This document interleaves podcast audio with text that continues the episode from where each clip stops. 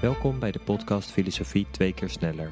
In deze podcast ga ik, Marius Sneller, samen met filosoof en vader Rico Sneller de diepte in over alledaagse onderwerpen en thema's. Ik treed als nieuwsgierige leek in gesprek om de wereld van de filosofie te begrijpen en toepasbaar te maken in het dagelijks leven.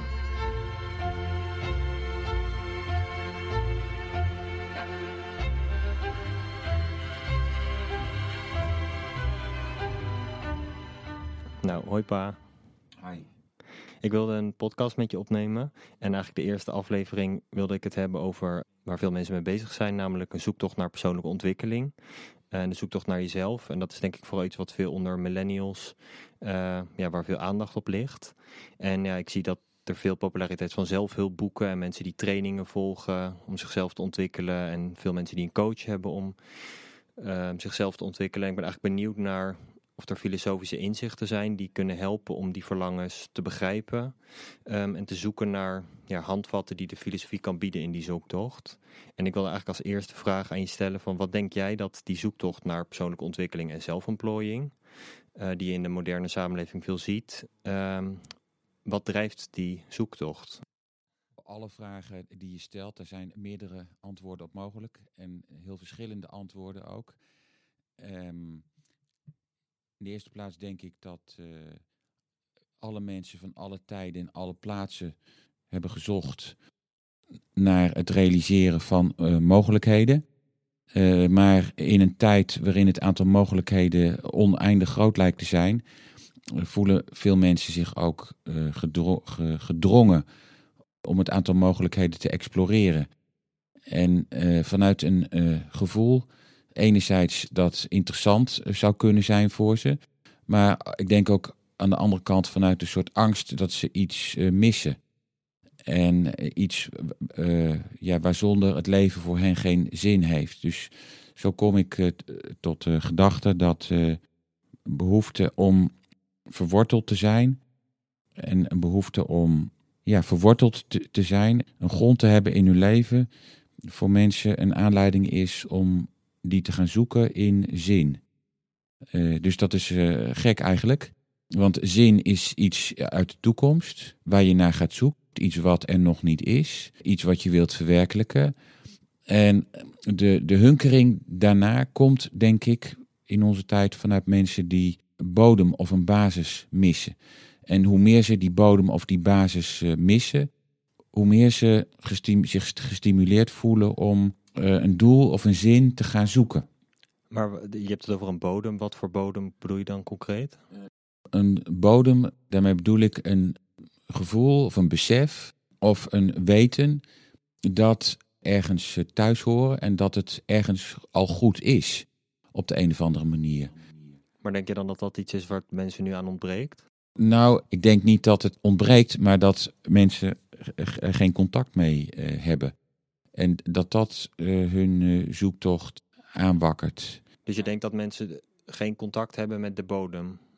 Met een, met een bodem, laat ik het zo zeggen. Ik denk dat, dat het gebrek aan beleefd contact met een bodem mensen rusteloos kan voortdrijven op zoek naar uh, een zin of een betekenis, dus naar iets nieuws, waarmee ze zich die bodem alsnog willen verschaffen. En dat is op zich uh, legitiem natuurlijk. Ik bedoel, ik heb er geen enkel moreel oordeel over.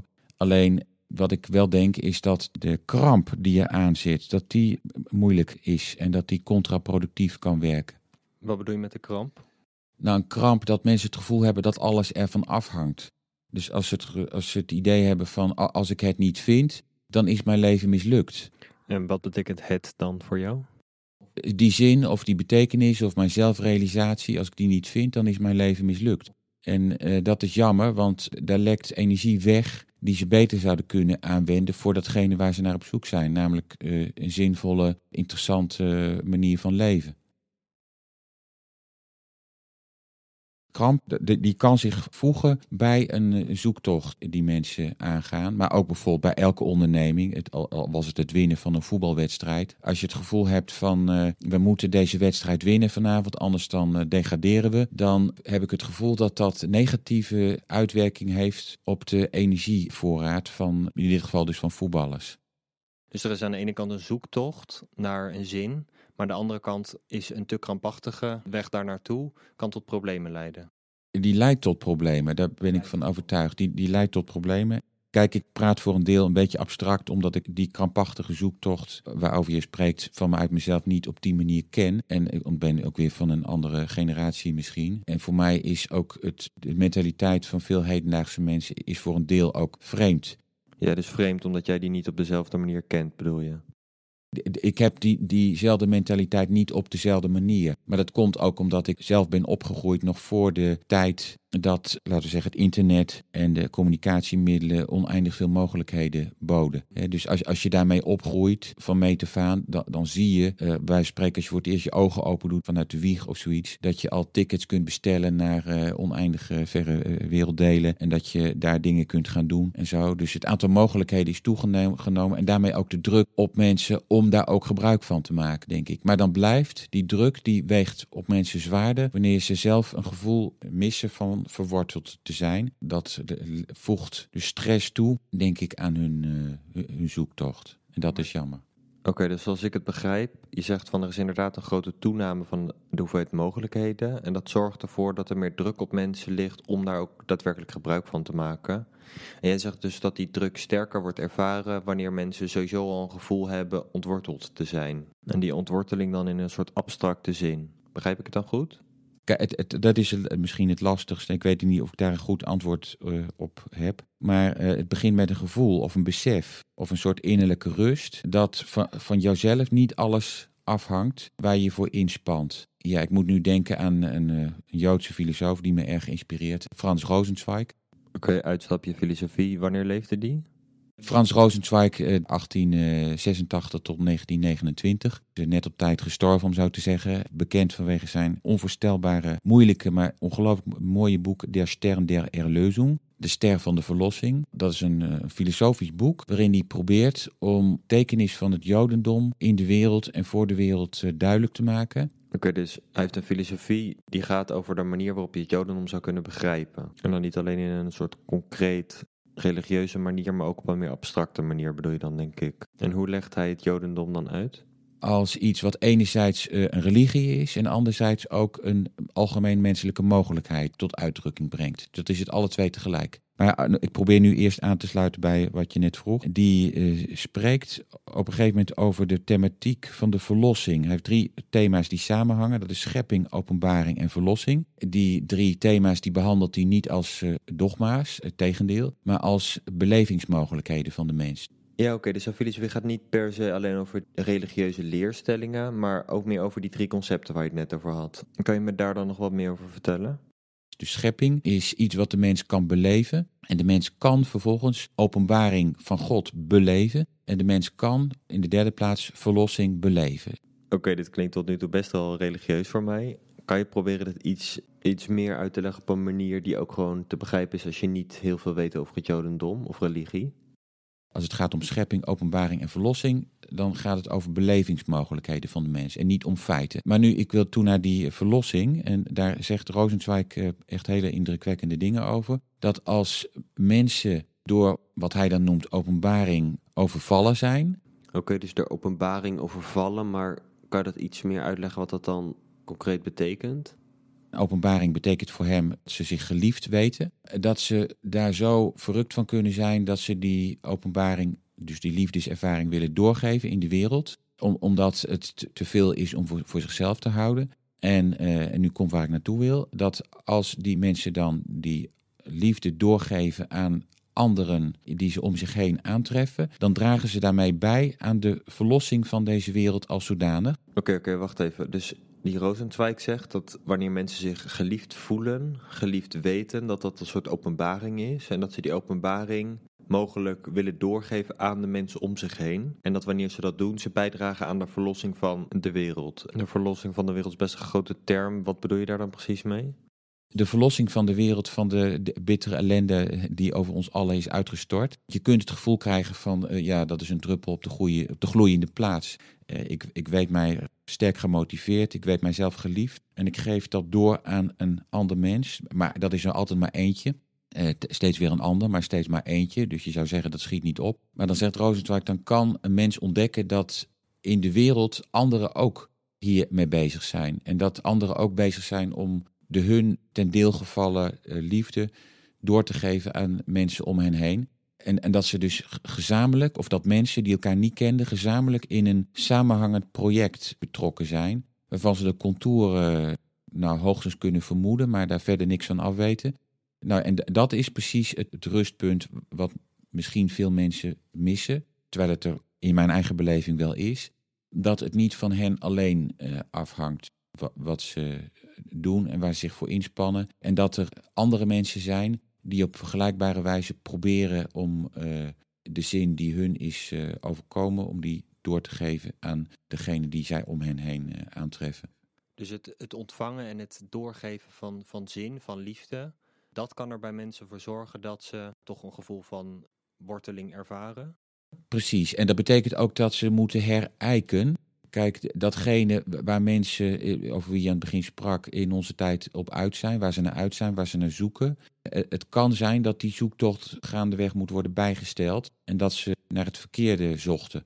Of dat ze misschien het, het goede zochten, maar op de verkeerde manier. dat kan ook. Want eh, nogmaals, ik wil geen enkel oordeel uitspreken over datgene waar mensen naar zoeken, maar wel over de manier waarop ze er naar zoeken. Oké, kan je dan nog uitleggen wat is er voor jou dan precies problematisch aan de manier waarop gezocht wordt?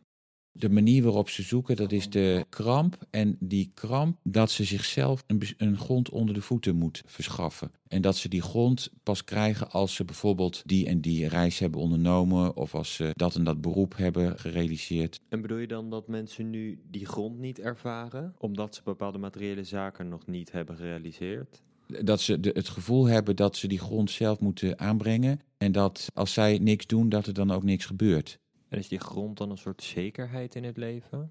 Dat is een bepaald soort zekerheid, maar ik denk dat het gevaarlijk is om, om dat uh, in te willen vullen. Want dat, dat suggereert dat die grond een, een soort objectief neutraal feit is. Terwijl het volgens mij wezenlijk voor die grond is dat ze moet worden beleefd. En dat is ook trouwens ook betekenisvoller dan een, een, feit dat, waar iemand anders het over heeft, waar je zelf geen contact mee uh, kunt maken. Uh, het gaat om een beleefde grond die elk mens misschien op een andere manier uh, zal invullen en verschillende woorden bij gebruiken. Maar die misschien ook mensen kunnen helpen om datgene waar ze naar zoeken, om dat op een andere manier te zoeken. En het zou kunnen dat ze dan datgene wat ze zochten beter kunnen bereiken dan op de oude manier. En het zou zelfs wel eens zou kunnen zijn dat ze ontdekken dat datgene wat ze zochten al gevonden hebben, zonder dat ze het, uh, zich dat realiseerden. En dat datgene wat ze nog meer zoeken, dat hun dat daarbij uh, ten deel zal vallen.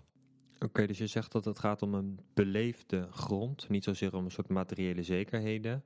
Uh, en dat een ervaring van die grond voelen kan helpen om die individuele zoektocht naar persoonlijke ontwikkeling ja, een soort vorm te geven. Bedoel je dat? Nou ja, kijk, als iemand zegt ik zoek naar persoonlijke ontwikkeling, weet iemand dan wat hij zegt.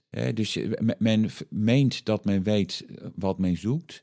Eh, namelijk persoonlijke ontwikkeling. Alleen waar bestaat die persoonlijke ontwikkeling in? Het zou kunnen dat mensen een verkeerd idee hebben bij die persoonlijke ontwikkeling of een vaag idee en dat die persoonlijke ontwikkeling kan en moet worden bereikt, maar niet op de manier waarop zij denken dat die wordt bereikt. En dat de manier zoals zij, laten we zeggen, krampachtig aanwenden, dat ze het dan juist niet vinden. Of dat het een soort uh, fladderende vogel in de lucht blijft die niet eh, verankerd is. En uiteindelijk ook weer vervliegt als, uh, als rook. Dus ontwikkeling is natuurlijk als zodanig, als woord, is een heel mooi woord. En dat is belangrijk, denk ik. Ontwikkelen betekent mogelijkheden ontwikkelen. Maar ja, dan is er welke mogelijkheden precies? De mogelijkheden die ik voor me zie. Misschien zijn er nog andere mogelijkheden. Ja, ik denk dat laatste, dat er om ontwikkeling te bereiken, dat je eerst contact moet hebben met een bodem om echte ontwikkeling te kunnen bereiken, je eigen ontwikkeling te kunnen bereiken. Oké, en is het hebben van een bodem dan hetzelfde als die verworteling waar je het eerder over had? Ik zou dat zeggen, ja. Ik zou zeggen dat worteling, worteling is een verworteling in een uh, bodem. Nou ja, dus toevallig de afgelopen week was er een geweldige storm die over Nederland ging. Uh, dan zie je dus dat bomen vooral in vochtige uh, ondergrond de neiging hebben in het westen, hier in het westen van het land, om gauw om te gaan. Nou, dat risico dat bestaat voor mensen die iets hebben bereikt wat ze meenden te zoeken. Maar het, het, het, kan ze ook weer zo ontvallen. Dat kan bijvoorbeeld het geval zijn uh, laten we nu eens even focussen op iemand die een zekere carrière heeft uh, gerealiseerd, of een bepaalde maatschappelijke positie of sociale positie, en die dan plotseling moet constateren dat hij uh, ongeneeslijk ziek is, of dat zijn man of zijn vrouw er vandoor gaat. Dan lijkt het bereikte eigenlijk in één keer betekenisloos te worden. En, en, daarmee zou dan geïllustreerd zijn dat er misschien nog iets aan miste aan die hele ontwikkeling. Oké, dat snap ik ik snap dat zo'n gebeurtenis dat teweeg kan brengen, maar wat heb je daar dan aan voorafgaand aan zo'n gebeurtenis? Want dan weet je dat natuurlijk nog niet.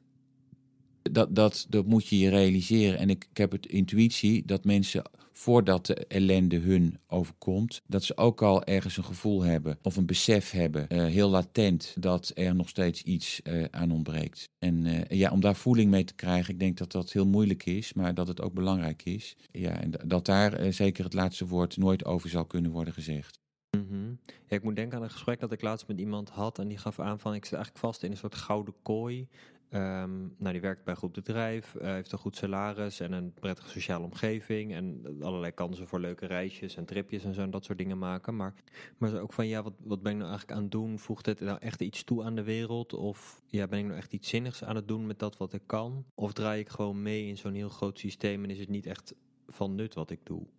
Ja, dat is precies een mooie articulatie van, van wat ik bedoel. Dus dat betekent dat datgene wat die persoon gezocht heeft, concrete dingen zijn. Dus een baan en sociale omgeving en een huis en noem maar op. Dat zijn concrete, definieerbare dingen. Die kun je inderdaad, als je, zeker als je strategisch handelt en niet al te veel pech hebt, best wel bereiken. Dat ligt zeker in een land als Nederland binnen de mogelijkheden van nogal wat mensen. Maar dan blijft de vraag of dat het is wat je zocht. Uh, misschien is het zo dat mensen iets, iets zoeken in wat ze zoeken. Dus ze denken, ik, ik zoek dat wat ik zoek.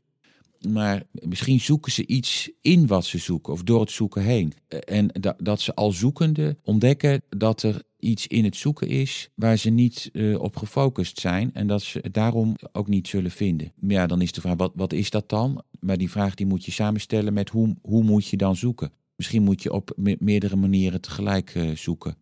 En op welke manieren moet je dan zoeken? Welke verschillende manieren? Want eh, wat houdt dat zoeken dan precies in? Zoeken in de zin van, nou ja, natuurlijk dus de strategie die je aan de dag moet leggen om iets te verwerven wat je wilt hebben, maar tegelijkertijd je blik ook uh, de andere kant op te richten. Dus als je zoekt, dan uh, kijk je vooruit. Laten we zeggen, zoals een voetballer die het doel zoekt dat nou, aan de overkant van het veld is, of het ligt aan waar je staat opgesteld. Dus daar ben je op gespitst. dat doel.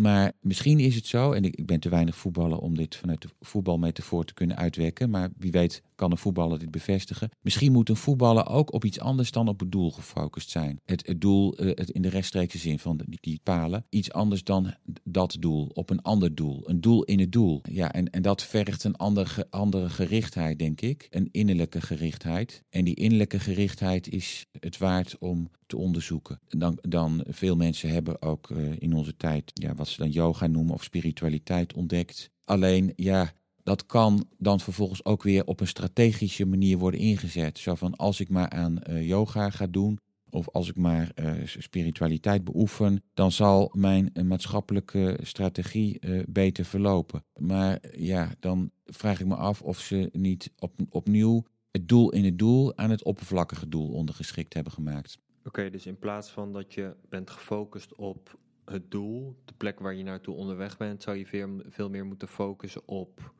de reis daar naartoe en wat er onderweg gebeurt en het proces van het reizen. Is dat dan wat je bedoelt? Ja, precies. Dat is mooi gezegd. Ja, dat is mooi gezegd. De weg er naartoe. En de weg er naartoe betekent dat je zoekende reflecteert op het zoeken zelf. En dat je, als ik het, voetbal, nogmaals, ik ben totaal geen voetballer, maar stel dat ik me probeer voor te stellen wat de voetballer zou moeten doen. Als je als een blind paard alleen maar dat einddoel in de gaten houdt en rukzichtloos over alles en iedereen heen dendert, dan, nou ja, dan in de eerste plaats, dan, zie je misschien kansen over het hoofd. En je ziet ook eh, omstandigheden en situaties over het hoofd. Bijvoorbeeld de constellatie in het spel. Misschien zie je over het hoofd dat er medespelers zijn die jou kunnen helpen bij het verwerven van dat doel. En die misschien niet voor jou, maar naast jou, of misschien zelfs achter jou staan opgesteld. En dat je misschien beter de bal naar achteren kunt spelen dan naar voren. Eh, en dat je dan het doel beter bereikt. Bijvoorbeeld dat je het doel samen bereikt met iemand anders. Want uh, op jouw zoektocht naar het doel, dat is een weg, een kweeste.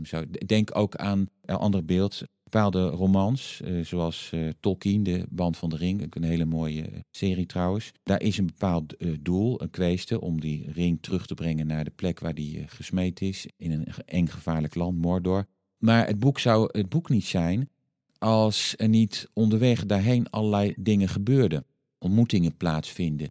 En als niet de hoofdpersoon, dat is Bilbo of Frodo, hoe die heet, die Hobbit, als die niet onderweg allerlei ervaringen hadden waarvan je zou zeggen, die remmen, hè, dat zijn obstakels op de weg of het zijn vertragingsfactoren. Maar die vertragingsfactoren zijn misschien uh, juist heel erg essentieel en helpen je om het doel beter te bereiken dan wanneer je er recht met een rechte lijn op af zou zijn gestevend.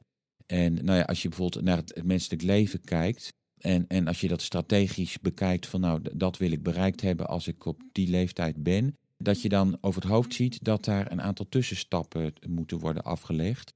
En dat, dat je op die tussenstappen andere mensen tegenkomt. Dat kunnen sociale eh, personen zijn, je familie of gezin. Het kunnen ook voorbijgangers of collega's zijn. Of conflicten waar je in verzeild raakt. Die je misschien ook moet aandacht schenken. En waar je ook wat mee moet. Om dat einddoel waar je op gericht was, beter en misschien ook anders te bereiken.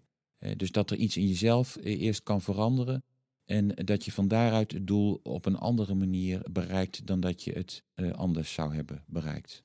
Denk aan de filosofie van de heuvel, dat boek van uh, Ilja Pfeiffer. En dat ja, ook heel erg gaat over een fietstocht naar Rome. Maar het gaat niet zozeer om het bereiken van het einddoel Rome, maar over de reis die zij maken, de, de, rit er naartoe. Zeker, dat is heel mooi gezegd. En in het verlengde daarvan kun je uh, alle pelgrimages uh, die mensen maar uitvoeren uh, verzinnen. Naar Santiago de Compostela. Ik had vroeger een vriend en die, die wilde op zijn 33ste verjaardag wilde die naar Jeruzalem. En dat vond ik heel grappig, apart. Dus 33ste verjaardag. Alleen die reis, die is op een hele bizarre manier geëindigd. Hij was met de auto gegaan en die eindigde in Turkije Volgens mij omdat hij ergens vastliep uh, in, in de modder of op het strand. Ik weet niet meer precies hoe het was. Dus hij was niet verder gekomen dan Turkije. Nou ja, ik, ik, heel veel context herinner ik me ook niet meer. Maar dat, dat vond ik een interessant motief. Die, die persoon die is dus vastgelopen op weg naar Jeruzalem. Ja, en heeft misschien ontdekt van ik moet niet naar Jeruzalem. Of bijvoorbeeld ik moet misschien ouder worden dan 33 jaar. Dat, dat, dat, dat zat er misschien ook achter. Ja, dat klinkt wel een beetje vergelijkbare ervaring als dat boek wat ik net noemde. En denk je dat het bij hem dan ook was dat het ging om de reis er naartoe of om de bestemming? Ja, zeker. Zoiets. zoiets. Dus, de, dus het, de gericht, het kan ook zijn dat het doel gaandeweg transformeert. En dat je ontdekt dat je je op andere dingen moet richten. En nogmaals, ik wil absoluut niet zeggen dat mensen hun, hun eigenlijk aanvankelijke doelen maar moeten opgeven. Hè? Want die kunnen ook wel motiverend zijn en enthousiasmerend zijn vond natuurlijk is het leuk als je veel mensen leert kennen en als je veel interessante reizen kunt maken. Natuurlijk is dat leuk. Ik wil niet, niet zeggen van ga maar in je huis zitten achter de geraniums en doe maar niks of zo. En misschien moet je zeggen, ja, daar moet het gewoon toch mee beginnen. Hè, met zo'n ambitie die je zelf uh, stelt. En ik heb zelf heel veel studenten gehad, vooral van uh, zoals University College of zo, of uh, die internationale opleidingen. Het waren heel erg ambitieuze mensen die uh, ambitieuze plannen hadden. Uh, veel ambitieuzer dan, dan mensen die een stuk ouder waren. Dus dat, dat vind ik op zich heel bijzonder. Er zit heel veel energie in. En, en die energie is heel erg waardevol. Alleen ik denk wel, die energie die zou toch ook moeten kunnen worden bijgebogen. En een bepaald soort focus moet er vanaf. Op dat ze hun doel op een andere of betere manier bereiken, denk ik. Of misschien wel niet bereiken. Want nogmaals, het zou kunnen dat het niet voor iedereen is weggelegd dat te bereiken wat hij of zij in zijn uh, hoofd heeft. Dat, dat zou kunnen. En dat is moeilijk uh, van tevoren te voorspellen. hoe, hoe iemands leven zou moeten gaan. Mm -hmm. En wat zijn dan indicatoren op basis waar, waarvan je zou kunnen zeggen van nu zou je eigenlijk het doel bij moeten stellen? Hoe weet je dat of je nog op het goede spoor zit of eigenlijk een ander doel ja, zou moeten stellen? Ja, en, en, dus dat zijn signalen. Dus uh, het kan een crisis zijn die uh, mensen doormaken. En ik denk dat heb een intuïtie dat eigenlijk iedereen dat wel door, mee gaat maken. Maar goed, ik ken niet alle mensen en ik weet niet alles van iedereen, iedereen natuurlijk. Maar mijn intuïtie zegt mij dat iedereen, echt iedereen, een crisis in haar of in zijn leven zal meemaken. Een crisis klinkt dan gelijk wel best heftig. Zou je kunnen uitleggen hoe dat er dan misschien concreet uit zou kunnen zien? Nou, dat kan, kan van alles zijn. Een grote césuur die zich in iemands uh, leven voltrekt. Van een ziekte of zo, of een, of een uh, scheiding, of een, een, een, een, overlijdensgeval, of een, uh, een oorlog, of wat dan ook, een handicap. Of dat een bepaald ja, ambitie voor jou niet haalbaar is. Je, je wilde altijd laten we zeggen, dokter worden of kan mij schelen wat. En nou, dat, dat, dat is het dan toch niet. Maar ik denk ook dat er signalen zijn. Signaal, en ik denk dat de literatuur ook mooie handreikingen kan bieden. En zeker als je een goede roman nog een keer leest. Het kan ook een film trouwens zijn. Een film heeft een bepaalde, of een boek heeft een bepaalde lijn die zich naar iets toe ontwikkelt. Maar als je goed kijkt, dan zie je dat al in een, dan, uh, dat er van tevoren al, misschien al in het begin, al motieven wijzen op een soort bijstelling in het traject. Dat, dat er uh, iets anders eerst zal moeten gebeuren. Of dat een bepaalde dynamiek zal, zal gaan worden onderbroken. Dat zijn signalen of herauten of, laten we zeggen, in een sprookje vogeltjes of zo, die, uh, die, voor iemand, die iemand waarschuwen voor iets. Maar ja, dat zie je pas na afloop. En als je bijvoorbeeld aan een film gaat, zeker een film, die, daar kun je niet terugbladeren. Dus dan, uh, dan moet je hem nog een keer zien. En dan zie je van in het begin, dan zijn al in kleine indicaties een uitspraak van iemand die wijzen op, uh, op problemen onderweg. En in een roman kun je wel terugkijken. Uh, kan je daar een voorbeeld van noemen van een film of boek ter illustratie? Bijvoorbeeld, nou, als ik even, uh, om niet al te lang te hoeven nadenken, Tolkien. Uh, dus uh, de, de, band van de, de band van de ring is echt, afgezien van dat het een spannend verhaal is, ook een heel diep symbolisch verhaal. Ja, dus Lord of the Rings, de films. De, ja, de Lord of the Rings. Dat dus die, die persoon, Frodo, laten we zeggen, een mens op haar of op zijn levenspad met een missie, dat die onderweg figuren tegenkomt, van wie die ook nog wat moet. Hij kon bijvoorbeeld, uh, boom, boombaard heet dat ook, treebird. Dus dat zijn bomen die zich dan plotseling verplaatsen. Dus dat zijn die bomen, dat zijn obstakels, hè, waar je niet zomaar doorheen kunt lopen. Die, die staan als het ware jou in de weg. Ze verplaatsen zich ook. Hè. Dus dan denk je, ik ga die route en dan blijken ze zich, als je wakker wordt, uh, te hebben verplaatst. Uh, ze, ze, gaan, ze gaan als het ware voor je staan en ze, ze dringen zich aan je op. En als je ze meent zomaar uit de weg te kunnen gaan, dan, nou ja, dan vergis je je. Dus maar goed, dat is nog steeds symbolisch. Maar dat moet je dan in een concreet verhaal of een roman.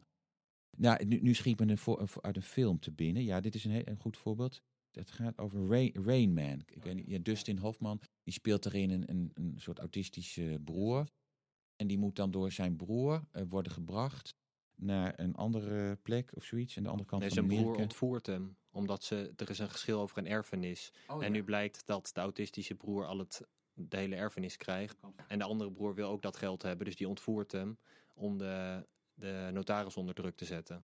Oké, oké, zie. Dus dat was ik dan vergeten. Maar eh, wat ik dan me herinner is dat ze het vliegtuig uh, hadden willen nemen, maar dat lukt niet. Want het, gaat, het is al weg of er is storm of zoiets. En dan nemen ze maar de auto. En, en dat gaat dus uh, met allemaal avonturen gepaard. En dan die broer die aanvankelijk zeg, een beetje geërgerd is over zijn autistische broer. Dat hij zo gek en onvoorspelbaar reageert. Maar aan het einde van de rit ontdekken ze, ontdekken ze elkaar eigenlijk. Leren ze elkaar kennen. En uh, ja, ontstaat een heel bijzondere vriendschap ook tussen die twee. Maar het allerlaatste, als ik me niet weer de allerlaatste scène, dus, dus dat is, je moet, het ook niet al te veel romantiseren. Dan, dan blijkt die broer ook, ook weer nog steeds even gek te zijn als altijd. Uh, en nog steeds in zichzelf verzonken te zijn. Dus ook, di ook dit heb ik heel lang geleden gezien, dus ik weet het niet meer in detail. Dus dan zegt hij weer iets geks, waaruit blijkt hij, hij is niet genezen van zijn autisme. Hij is nog steeds degene die hij was. En een in zichzelf gekeerde vreemde. Dus ja, dat blijft ook. Dus er blijven onopgeloste rafelrandjes, om zo te zeggen. Ik denk dat dit een heel mooi voorbeeld zou kunnen zijn. -hmm, Oké, dus je hebt over rafelrandjes, wat dan terug in de film. En wat, wat zijn dan voor gewone mensen in hun dagelijks leven, wat zijn dan misschien die rafelrandjes? Hoe, hoe zien die eruit? Je gaat een bepaalde levensweg en da daarin kunnen je doelen worden bijgesteld. Of je ontdekt dingen die je eerst moet oplossen of waar je eerst je toe moet verhouden. En eh, laten we zeggen, je, je bent in staat geweest om eh, je leven anders te gaan leiden en bij te stellen. Maar dat betekent niet dat je aan het einde een knoop voor goed hebt ontward of zoiets. Er blijven moeilijkheden. Ik denk nu bijvoorbeeld aan uh, iemand die ik heel indrukwekkend vind. Dat is Victor Frankl, grote uh, holocaust-overlevende en die psychiater is geworden. En traumatherapie uh, heeft weten te ontwikkelen voor mensen die heftig getraumatiseerd zijn. In concentratiekamp, maar ook elders. Dus je zou zeggen, dus zijn voortvarende carrière als arts is bruut afgebroken omdat de oorlog uitbrak en hij gevangen werd gezet enzovoort. Maar oké, en na die oorlog wordt hij opnieuw uh, psychiater uh, in Amerika.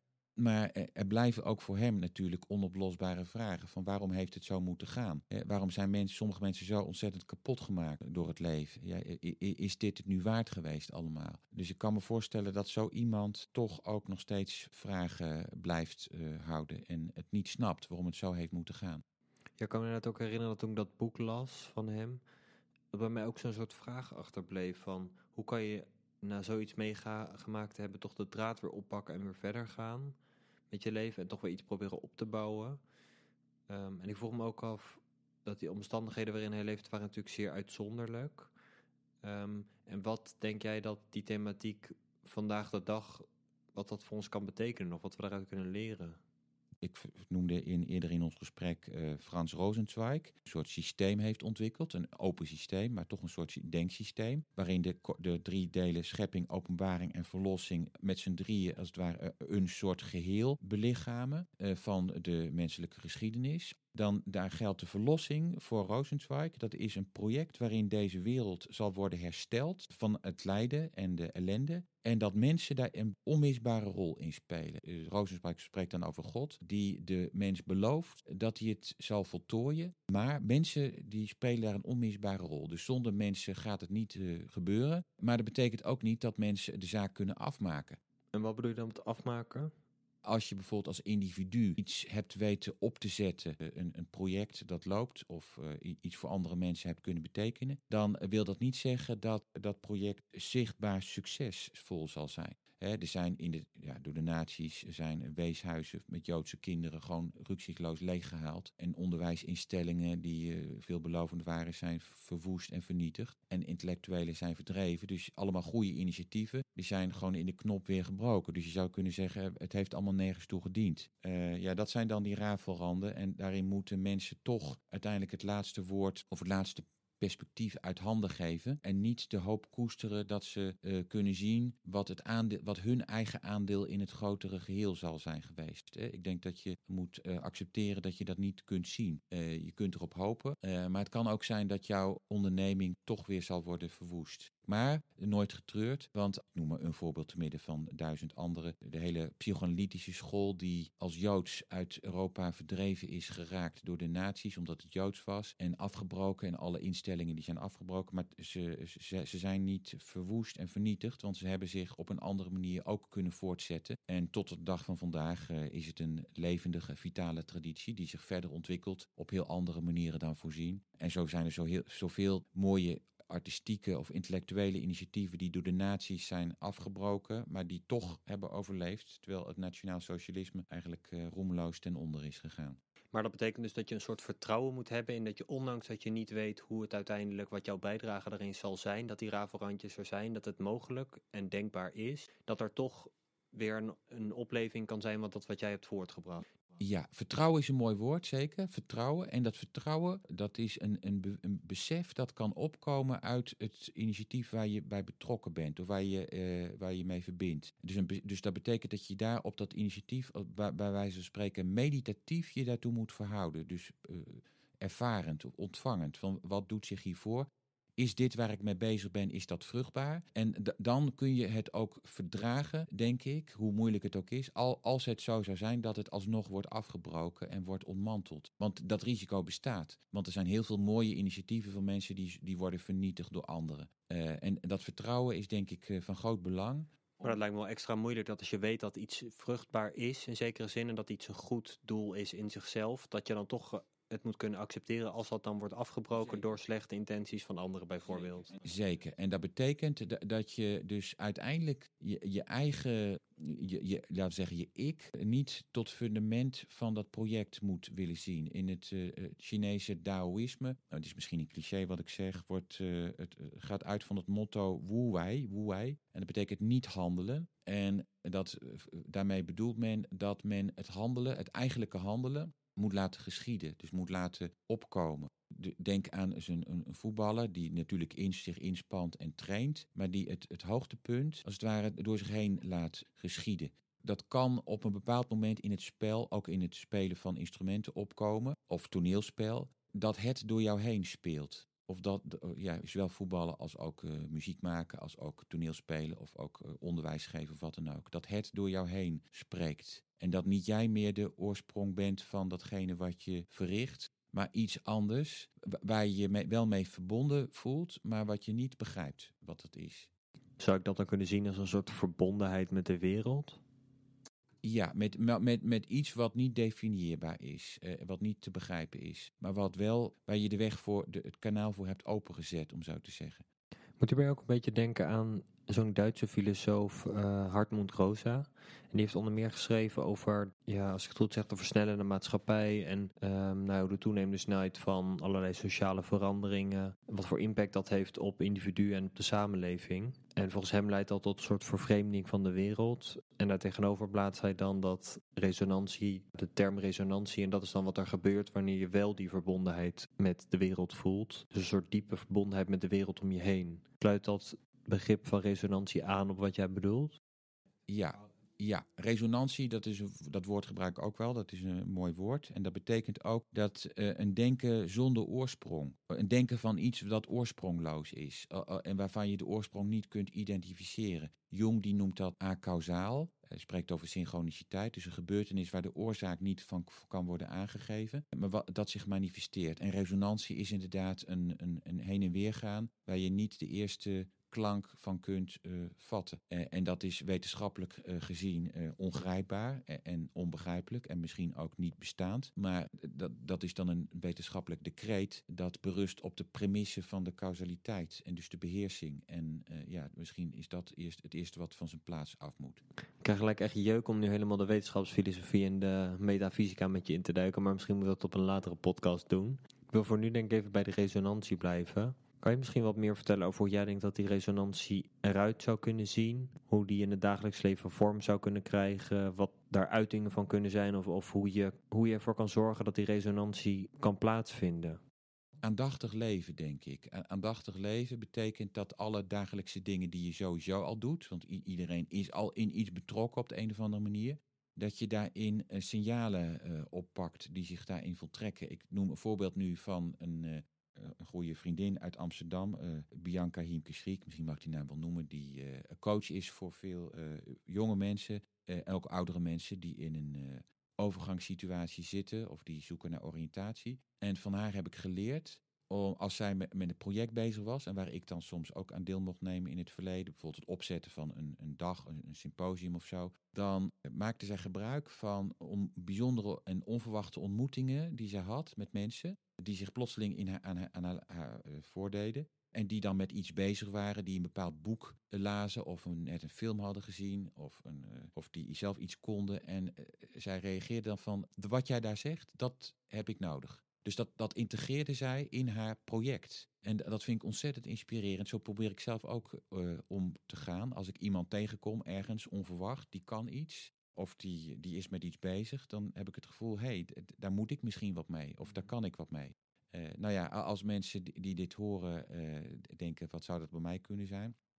Ja, ik stel me voor dat ieder is bezig, is op iets gericht. Bijvoorbeeld afstuderen of een baan vinden of weet ik wat. Oké, laat die gerichtheid er zijn. Maar laat die gerichtheid je niet afhouden van dingen die zich en passant voordoen, onderweg mensen die je ontmoet, een boek dat je leest, of je, je blik wordt door iets getrokken in de krant. iets wat met een zekere nadruk zich aan je manifesteert. En waar je misschien primair zegt van nou, wat moet ik daarmee? Dat is een afleiding. Eh, dat zou wel eens interessant eh, kunnen zijn. Aandachtig leven, diepere verbondenheid met ervaringen en de omgeving, dat lijkt mij wel een mooi streven. Um, ja, we hebben deze podcast natuurlijk al best over een aantal onderwerpen gehad. En ik denk dus dat het misschien wel goed is om, het, om daar zelf nog even wat verder over na te denken. Dus om het daar voor nu even bij te laten. Um, en ik wilde je nog vragen of je misschien advies hebt voor mensen die worstelen met die dilemma's over nou ja, hoe ze hun leven moeten vormgeven met alle kansen en mogelijkheden die er vandaag de dag zijn. Zou je die een advies kunnen geven? Ik geef nu een, advies wat mijn advies is. En ik realiseer me dat een andere persoon een ander advies zou geven. Maar ik geef dit. Ik denk dat het van het grootst mogelijke belang dat mensen zich met filosofie bezighouden. En, en, niet een beetje, maar tot de laatste dag, tot hun laatste levensdag. We hebben gelukkig al het ideaal van permanent leren. Dat mensen ook na hun studieperiode cursussen gaan doen. En niet voor iedereen is alles weggelegd, dat begrijp ik ook wel. Maar ik zou een ieder uh, die dit hoort willen aanraden om zich permanent uh, tot hun laatste levensdag, zelfs hun laatste uur, zich met studie bezig te houden. En, niet vanuit het idee, ik moet een tentamen halen, want dat hoeft natuurlijk niet. Maar blijven studeren op een manier die voor, voor jouzelf is weggelegd. Dat kan ook via moderne middelen, zoals bijvoorbeeld podcasts zijn. Boeken lezen, cursussen volgen, weet ik wat allemaal. ik denk dat dat heel erg belangrijk en, en zinvol is. En dat voornemen heb ik zelf ook. En de pensioenleeftijd is wat dat betreft maar een puur willekeurige, arbitraire datum. Uh, dat uh, mag je nooit ervan weerhouden om voortgaan te blijven studeren. En dan geen uh, flauwekul dingen, maar filosofie, denk ik. Dus voor iedereen is er wel wat te vinden. Dat zou ik iedereen van harte willen aanbevelen en toewensen. In de omgeving? Nou, dus het, het studeren opent je ogen. Hè? Dus laten we zeggen, bepaalde manier kan, kunnen gesprekken met andere mensen kunnen je versuffen en verblinden. Omdat ze in een soort collectieve burgerlijkheid vasthouden. Uh, kan, ik zeg kan, hoeft niet. Het hangt er net af met wie je spreekt. Maar nogal wat sociale contacten werken eigenlijk verdovend. Hè, dat je eigenlijk niks meer ziet. Terwijl studeren van grote geesten, dat kan je blik juist openen voor dingen. En kan je andere accenten laten plaatsen dan je pleegt te doen. En kan je ook de moed en de durf geven om tegen een, uh, een collectief in te gaan. En kan je ook de moed geven om je te distancieren van een, een burgerlijk collectief waar je eigenlijk verder weinig mee opschiet. Dus uh, moed, filosofie studeren kan je moed geven en, en kracht en ook je blik openen. Voor anderen, maar ook voor jezelf natuurlijk. Want je moet voor jezelf eigenlijk, daar moet je eigenlijk primair je blik oprichten. Oké, okay. Nou dankjewel. Dankjewel voor je tijd. Graag gedaan. En tot de volgende. Tot de volgende, ja, dankjewel.